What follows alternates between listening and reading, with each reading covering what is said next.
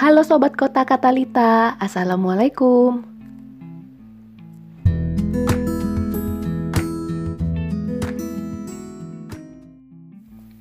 Ada satu suku di timur Indonesia yang menjalani tradisi mengerikan saat mereka mengalami kesedihan.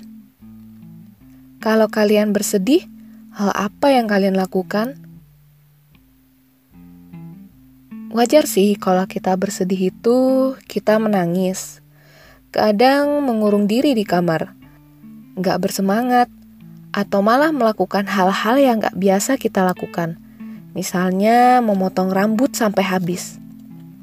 Di timur Indonesia, ada suku yang memiliki adat kebiasaan turun-temurun dari nenek moyang. Adat ini cukup mengerikan dan jangan kalian tiru ya. Please, ini sungguh tidak untuk dipraktekkan di rumah.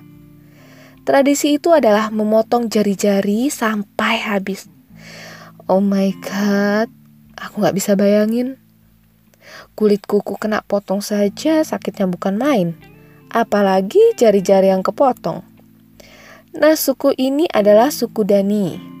Tepatnya di Lembah Baliem, Papua. Lembah Baliem sendiri berada di sekitar 1600 meter di atas permukaan laut, berada di gugusan pegunungan tengah Papua. Penduduknya bekerja sebagai petani, dan sudah memiliki teknologi penggunaan kapak batu, pisau tulang belulang, bambu, dan tombak saat suku Dani ditemukan. Keberadaan suku Dani ini sudah ada sekitar tahun 1900. Setiap ada anggota keluarga yang meninggal, dia akan memotong ruas jarinya dengan kapak atau pisau tradisional. Jari yang dipotong ini diikat dengan tali sampai beberapa waktu sampai darahnya berhenti. Dan mayoritas perempuan yang melakukan ini.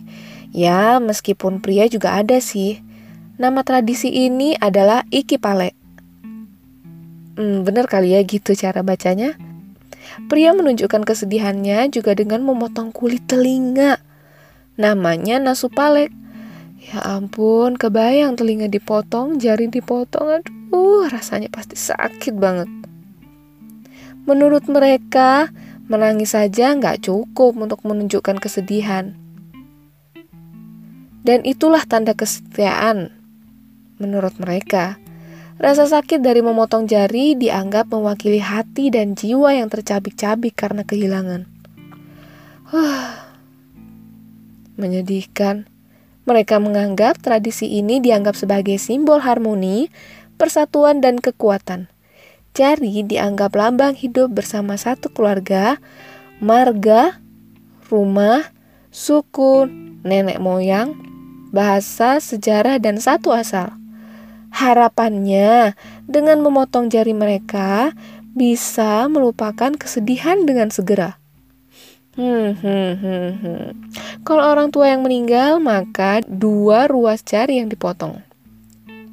Kalau sanak saudara, satu ruas jari dan sebelum dipotong akan dibacakan mantra. Yah, tapi sekarang sih sudah banyak yang gak melakukan tradisi itu seiring berkembangnya pengetahuan dan agama.